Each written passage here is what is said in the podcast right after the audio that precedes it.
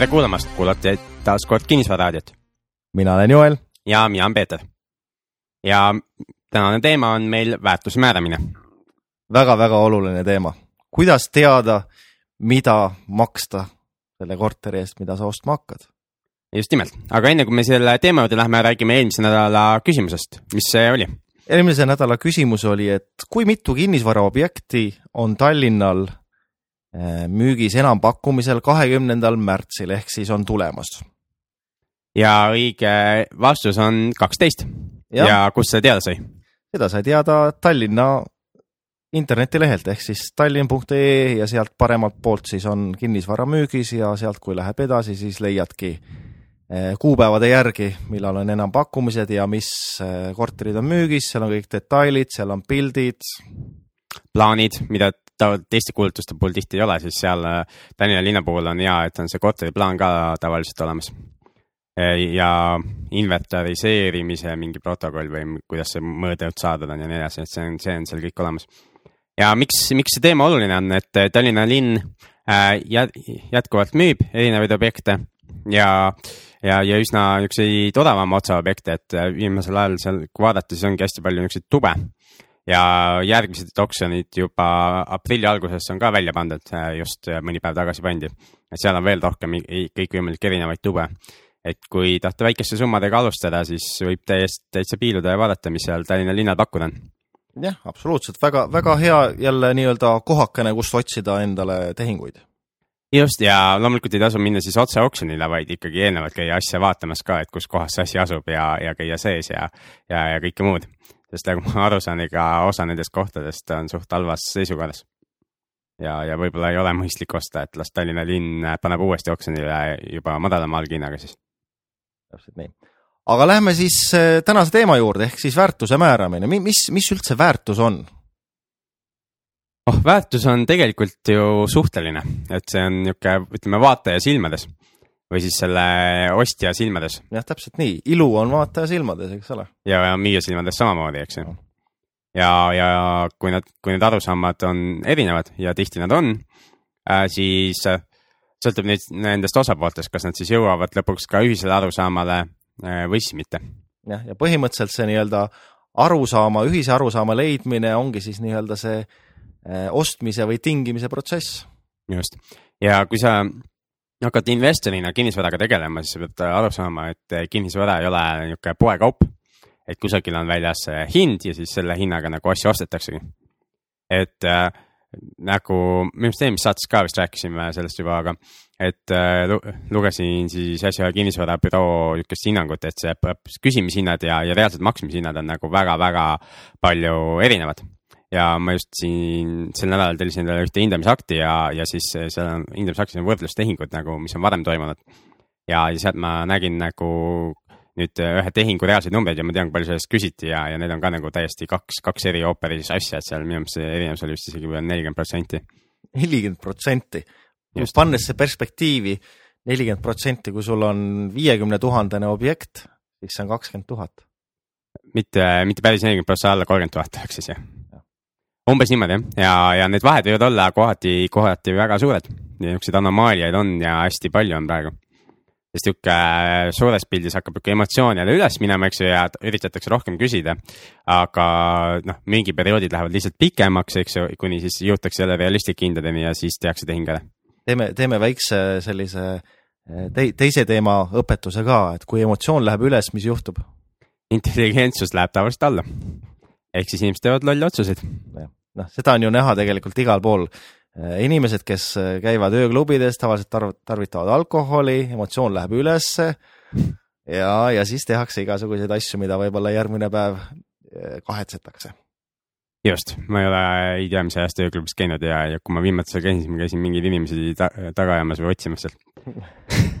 Aga see selleks, et väärtus suures pildis ja kuidas me ise siin jagasime, mõtlesime, et et väärtuse määramine, kuidas võiks toimuda, on see, et sõltub eesmärgist, et milleks sa nagu ostad seda asja.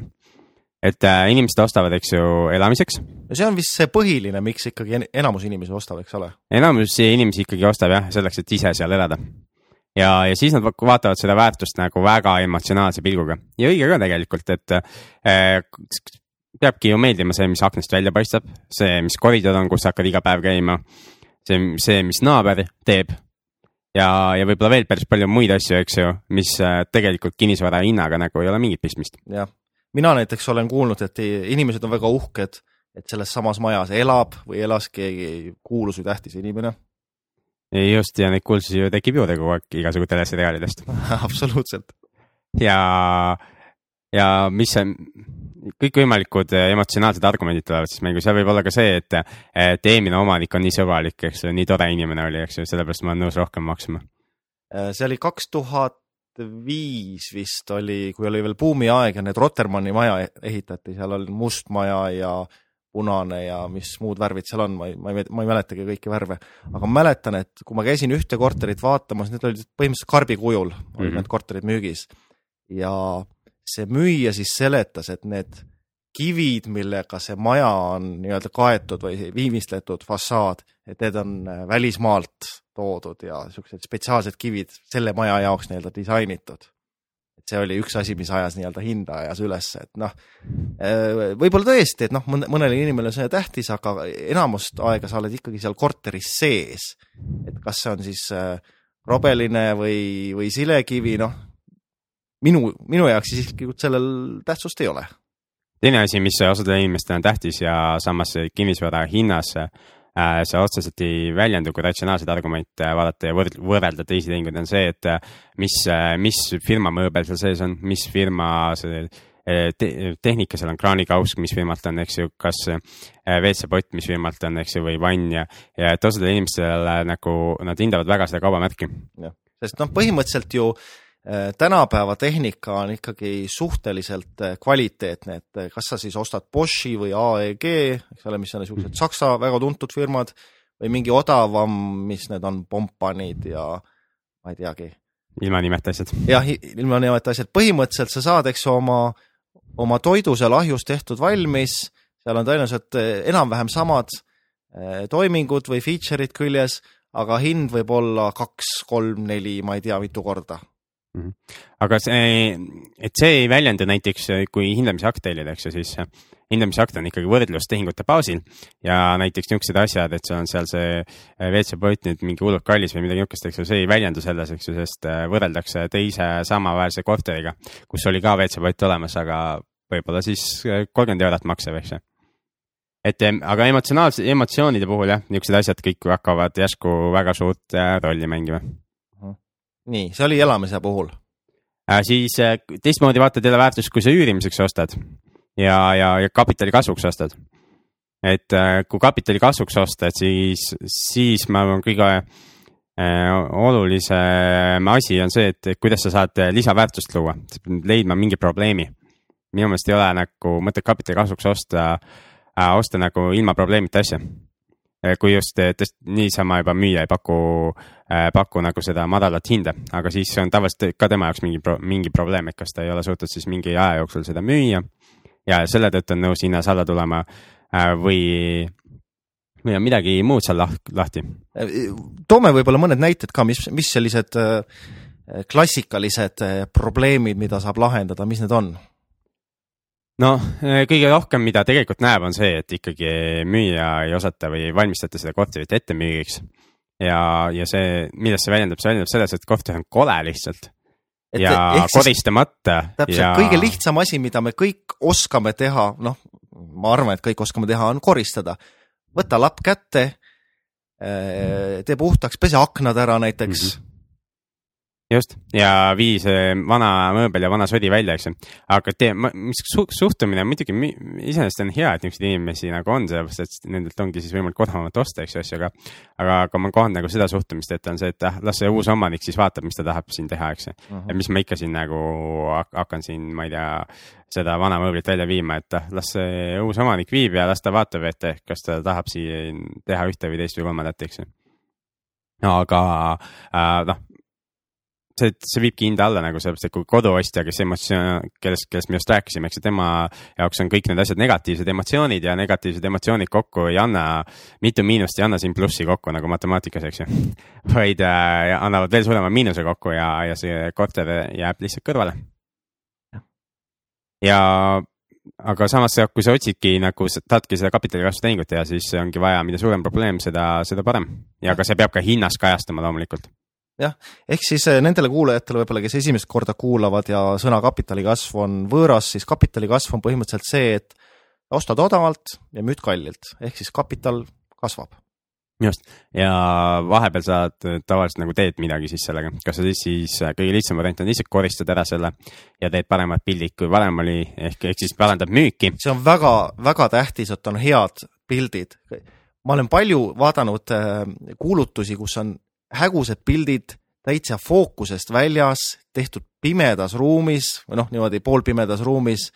et see on väga-väga raske on nii-öelda aru saada, mis seisukorras see korter on, isegi kui korter võib olla heas seisukorras. ja, ja kõige andekamad müüjad on need, kes on igaks juhuks nagu lambid ka maha võtnud oma suure väljakolimise käigus ja siis äh, tule, tullakse seda korterit, eks ju, vaatama, enamasti siis äh, koduostja käib õhtusel ajal vaatamas ja siis on juba väljas pime ja siis, äh, siis ta tuleb sinna korterisse, vaatab, et see on üks igavene pime korter, et siin ma küll elada ei taha. jah, tänapäeva digitaalkaamerad peaaegu meil kõikidel on digitaalkaamerad olemas ja nendega saab päris head pilti teha ja kui sul on sõber või oskad ise natuke Photoshopiga eh, neid veel parandada. heledust juurde panna. heledust juurde panna, siis tegelikult eh, ma olen näinud, et see helenduse juurdepanek on päris populaarne mm. -hmm. et viimasel ajal on hästi palju kuulutusi, kus on niimoodi, sa näed, et eh, need ei ole naturaalsed pildid, et nendega midagi tehtud just nimelt, et äh, osa maklereid on isegi õppimisvõimelised ja, ja suudavad selle helendamise nuppu ka siis vajutada, enne kui nad seda pilti kuhugi välja panevad.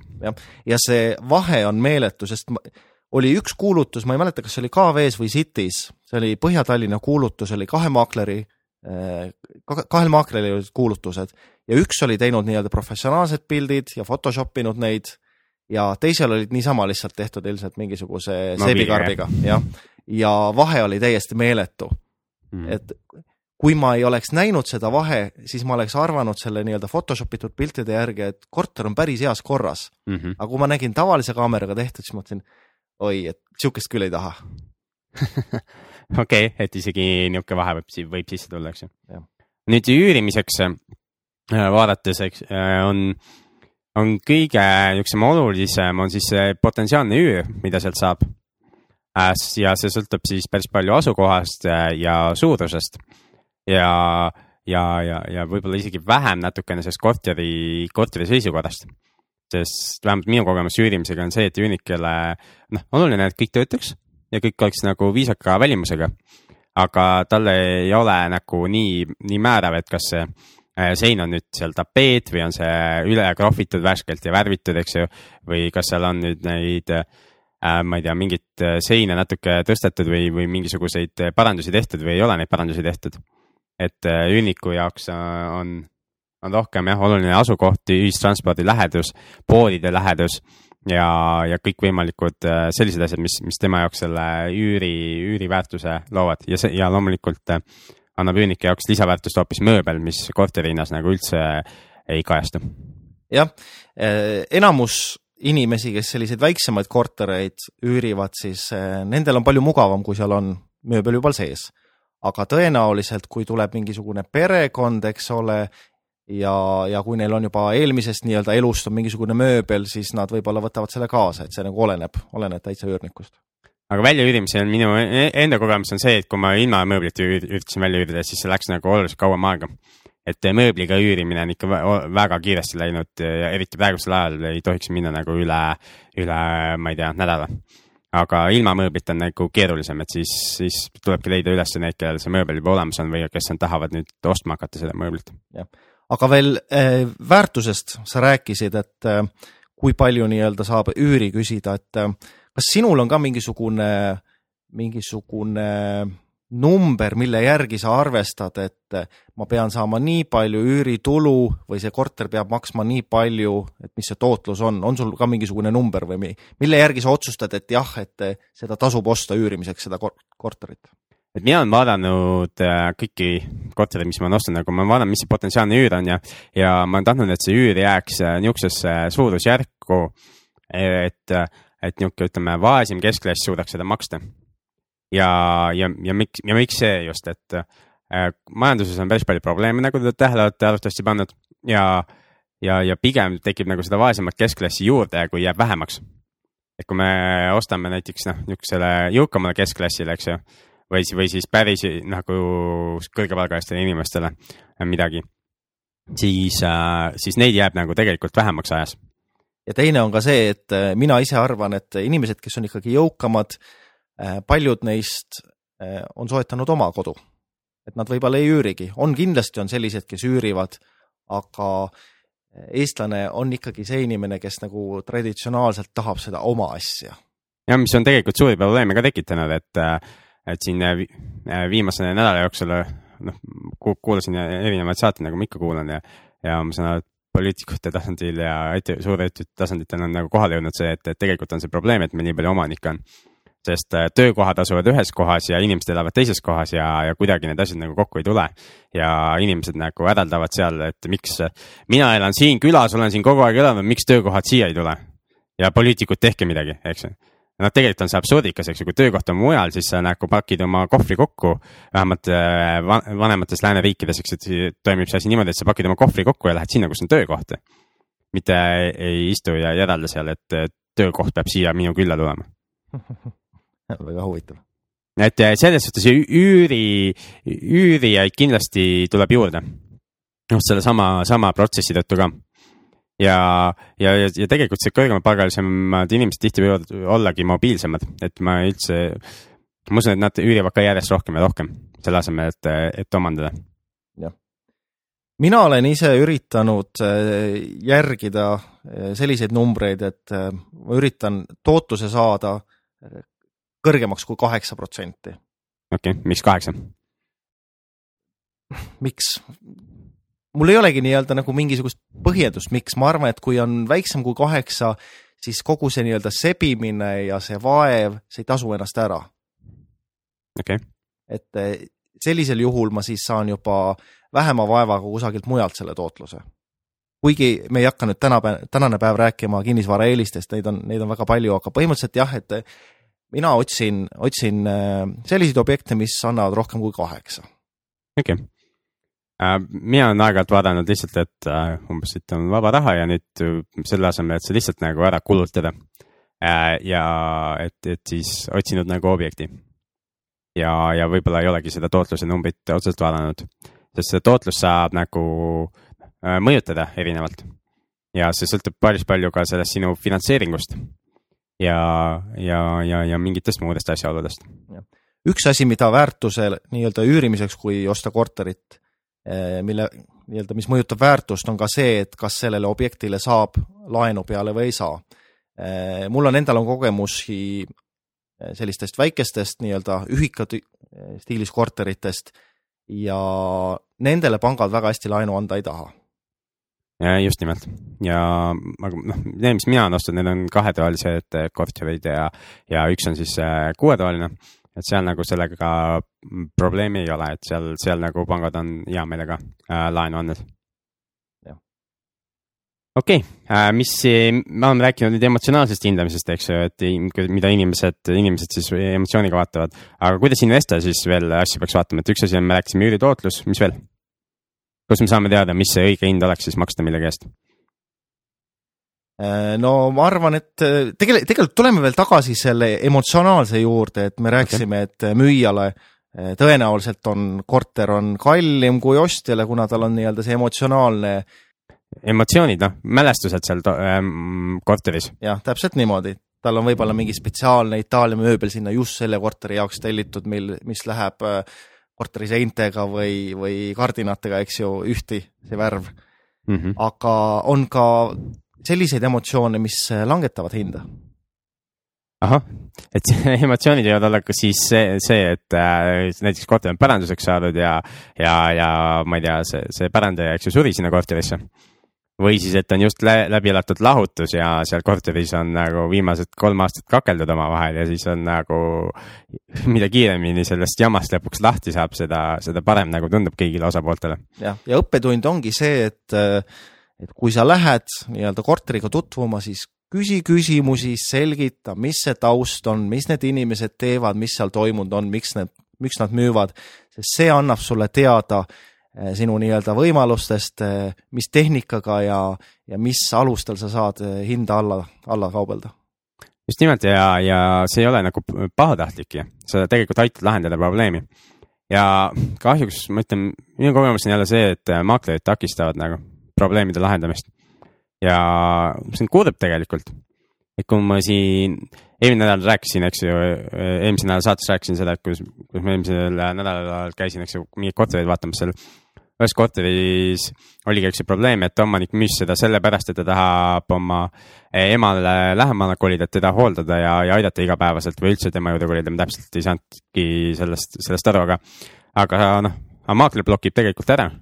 Ütleb, et ei, ei, küsime ikka seda kõrgemat hinda, küll lõpuks tuleb ostja, eks ju.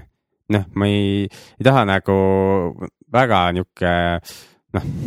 maakleri vastane Martini vastane olla, aga ma ei mõelnud, seda ma ei taha nagu väga, väga nihuke pahatahtlikult mõelda või, või, või, või kurjalt mõelda, aga kui, kui, kui see jama niimoodi venib, eks siis ema võib ju enne ära surra üldse, kui see, kui see korter müüdud saab. Et, et niisugused asjad nagu, noh, need on nii absurdsed tunduvad mulle, et pigem on tegelikult, on kõik põhjused olemas, et see inimene peaks olema valmis nagu, müüma kiiresti, müüma võib-olla mõni tuhat eurot odavamalt, eks ju selleks, et, et see asi kaelast ära saada ja, ja minna tegeleda sellega, mis tegelikult oluline on. nii, aga sa esitasid küsimuse, et mis siis nii-öelda investorile tähtis on. Eh, no. Kõige rohkem tead, mis minult on küsitud nii-öelda algajad investorid või, või, või, või tulevased investorid, et eh, mitu protsenti vähem küsi-, küsimishinnast ma peaksin pakkuma? aa, umbes niimoodi, et kui on hind on väljas, siis sa võtad sealt eh, mingisuguse protsenti alla ja pakud selle hinna või? just nimelt oh,. väga, väga huvitav suhtumine. jah, aga täiesti vale. sellepärast, et, äh, et sellel küsimishinnal ei ole nagu reaalse hinnaga mitte mingit pistmist.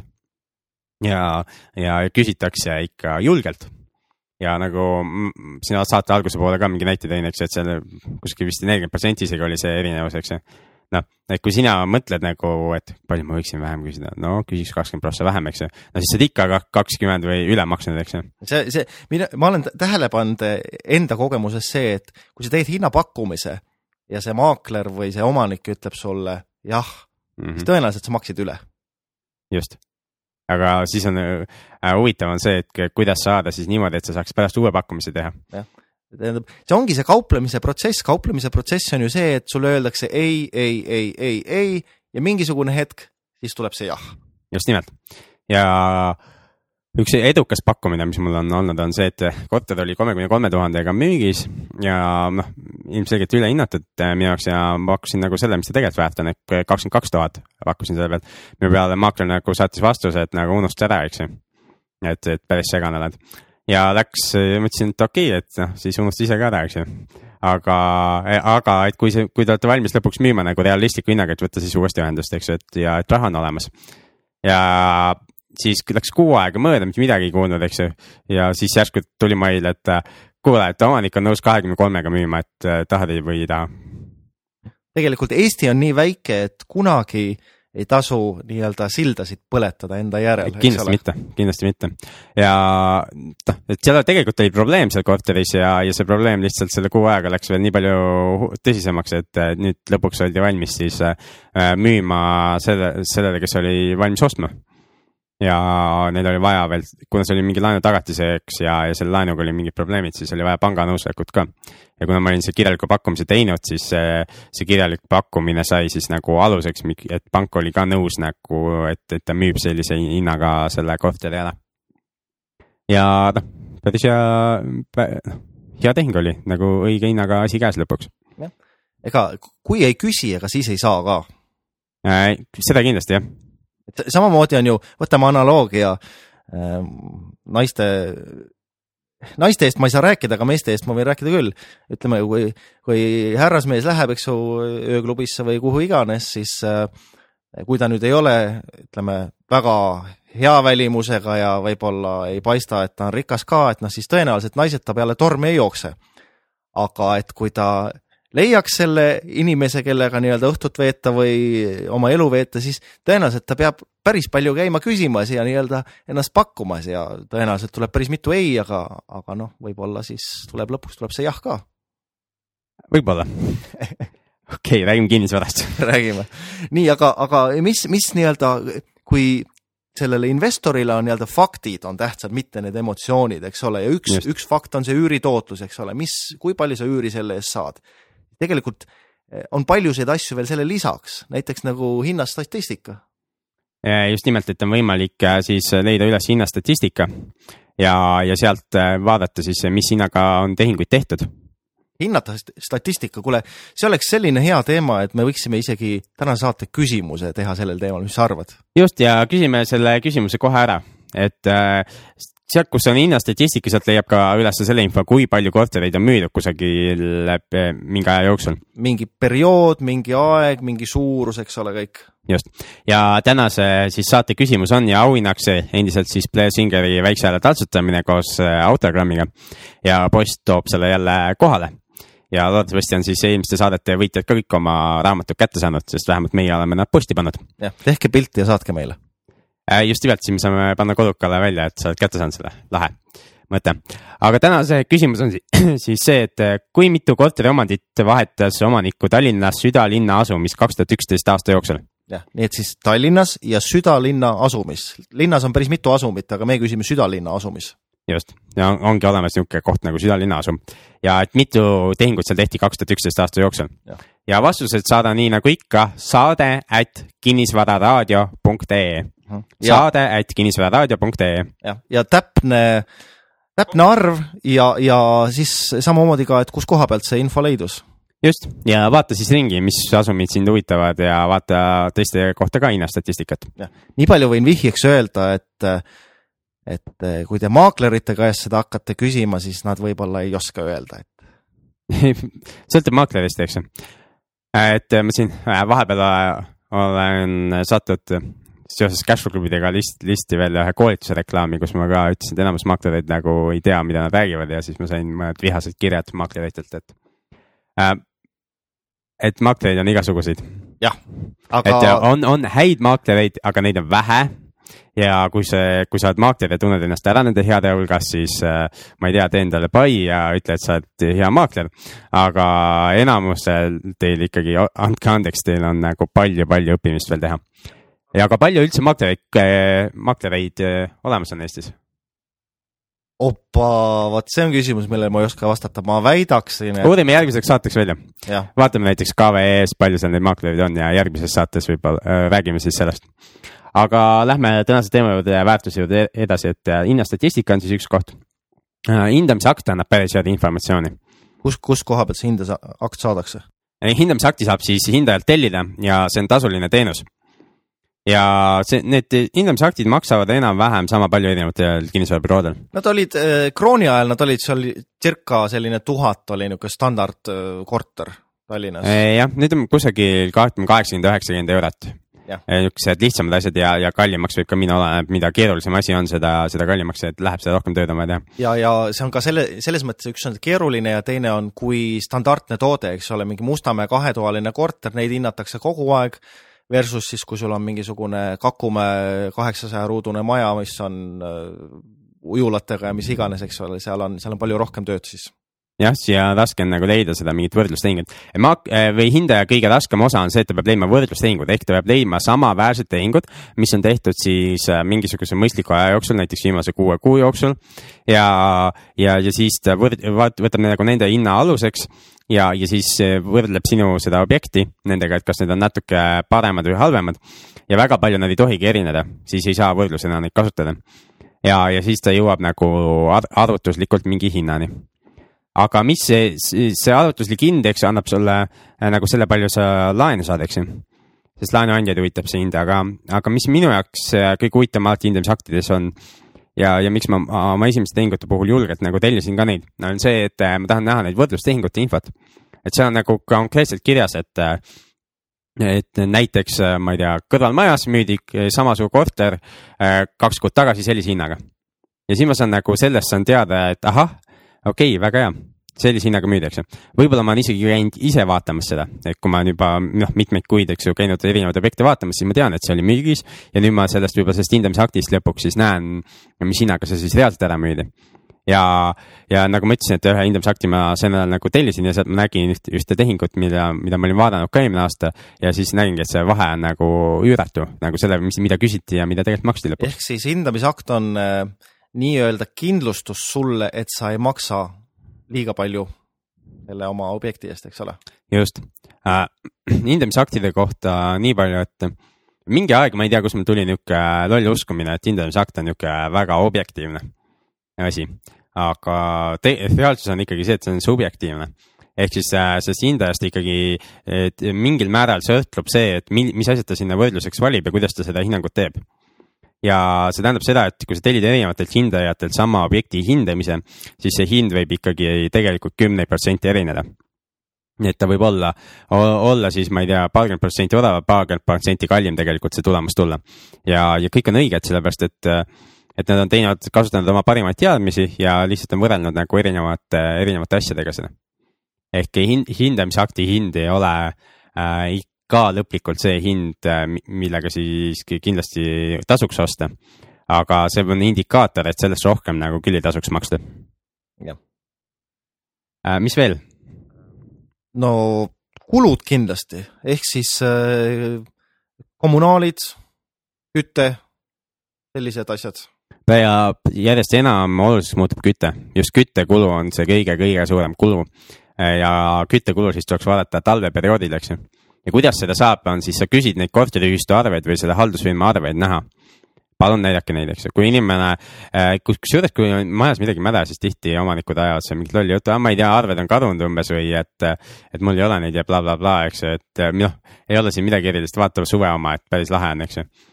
ja, ja, ja aga see on jama nagu, kindlasti küsi neid ja kui, kui ei saa, siis pöö, äh, äh, pöördu ise või, või lase sellel omanikul pöörduda, et mine ja küsi uuesti korteriühistult need arved. Nad võivad alati maiga uuesti need saata või, või siis uuesti välja trükkida need arved ja, ja, ja on olemas. jah, et kui, kui sa tahad oma kodutöö korralikult teha, siis, siis äh, mitme suvekuu arved ja mitme talvekuu arved. just nimelt, et suvekuud tegelikult on olulised selle jaoks, et päris paljudes majades on selline tava, et äh, remondifondi talvel kas üldse ei korjata või talvel korjatakse oluliselt vähem ja siis pannakse suvel arvetele remondifondi.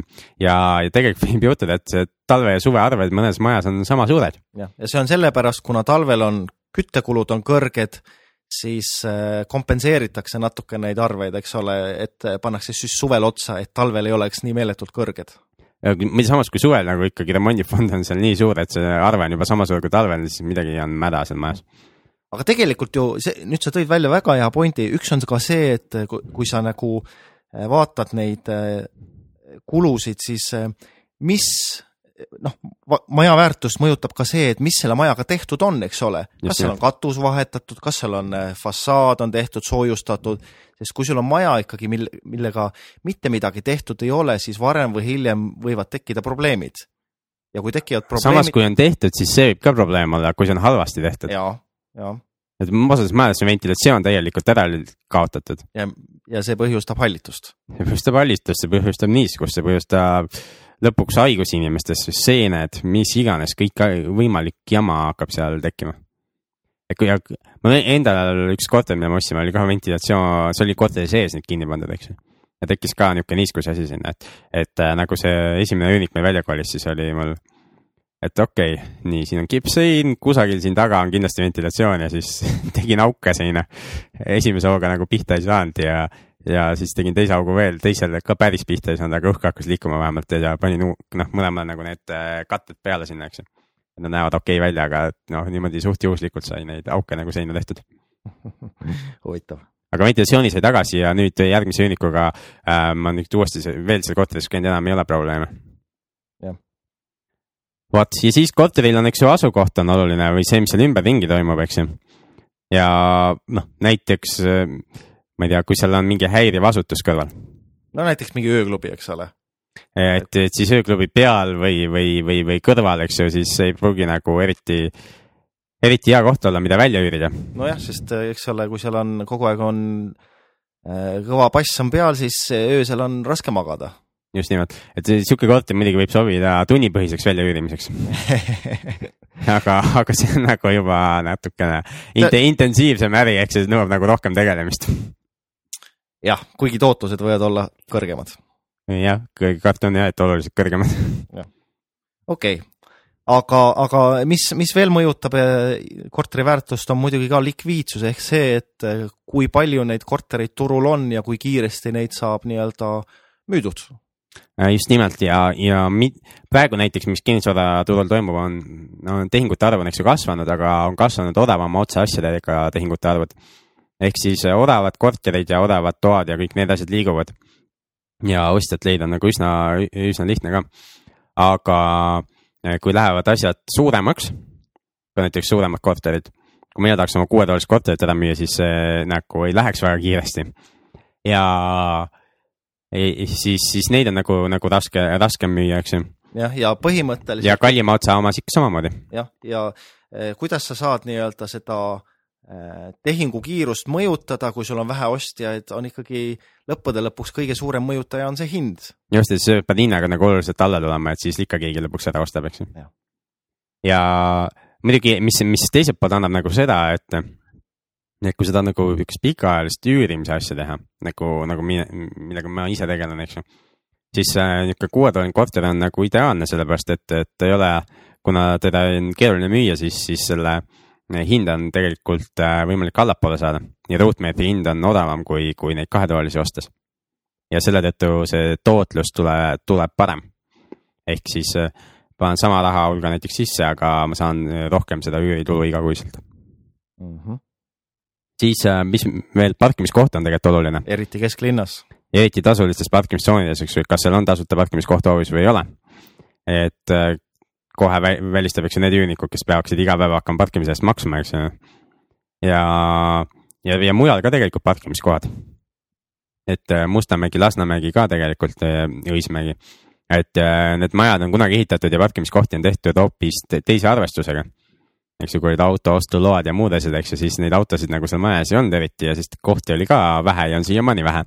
Et seal võib samamoodi tegelikult tekkida see probleem, et äh, inimestel ei ole kuhugi parkida, kui nad õhtul koju tulevad. jah, see on eriti, eriti näiteks, kui on palju üheksakordseid maju, näiteks Lasnamäel. ikka Mustamäel. ja, ja Mustamäel ja Õismäel, et on näiteks kui peres on kaks autot, kui arvestada, et majas on, ütleme, kakssada korterit ja kui igas peres on kaks autot, siis on nelisada autot. kuhu sa need nelisada autot sinna majade vahele paned?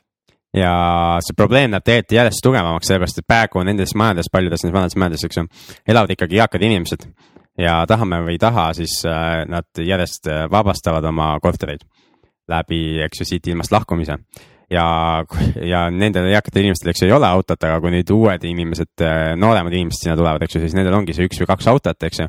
ja järjest, järjest nagu suuremaks see probleem läheb äh, nende majade juures. jah, nii et kui kellelgi on hakkamist, siis äh, äh, parkimisäri. just nimelt, aga kas need inimesed on nõus maksma parkimise eest, eks ju, see on, see on iseküsimus, eks ju. okei okay., aga muidugi tegelikult, mis, mis veel mõjutab, eks ole, väärtust on siis äh, üleüldiselt transport, kommunikatsioonide ümber, noh, poed, koolid, lasteaiad, töökohad ja nii edasi. jah, ja Tallinna linnas, eks ju, need korterid, mis mul on, eks ju, igal pool on väga hea ühistranspordiühendus. eriti, mis Sikupilli kvartalis, on üks trammiga otse kesklinna, tramm on Tallinnast teadupärast kõige usaldusväärsem äh, transpordivahend. ja, ja, ja noh, ja see on väga suur pluss, eks inimesed saavad ilma autota seal elada ja saavad kiiresti kesklinna, kui on vaja. ja poed, eks ju, samamoodi, kui kaugel need poed on. Neid mõnes kohas on poed, ma ei tea, viie minuti raadiuses on, eks ju, mingi kolm-neli poodi. teises kohas pole ühtegi. koht, kus ma ise elan, näiteks seal pole mitte ühtegi poodi lähedal, et, et ilma autota nagu ei lähegi poodi. ja ma ei tea, kool samamoodi, eks ju, kus, kus koolid asuvad, kas, kas seal on nagu kusagil sealsamas, eks ju, kui, kool on muidugi siis oluline, kui on la, laps, lastega tegemist, eks ju.